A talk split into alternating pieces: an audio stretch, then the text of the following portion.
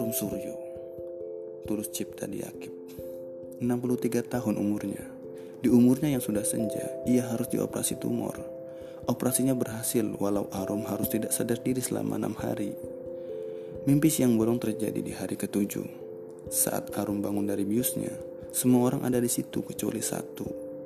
Saat bertanya di mana suaminya Anaknya yang paling tua bilang kalau suaminya baru saja berpulang di bangsal sebelah korban kecelakaan. Kosong. Arum diam. Ruangan itu sepi.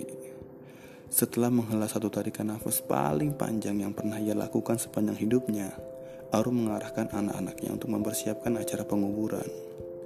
Ia kepala keluarga sekarang. Hari ini ia harus keluar dari rumah sakit. Secepatnya, sebelum perasaan kehilangannya ini menjadi lebih sakit.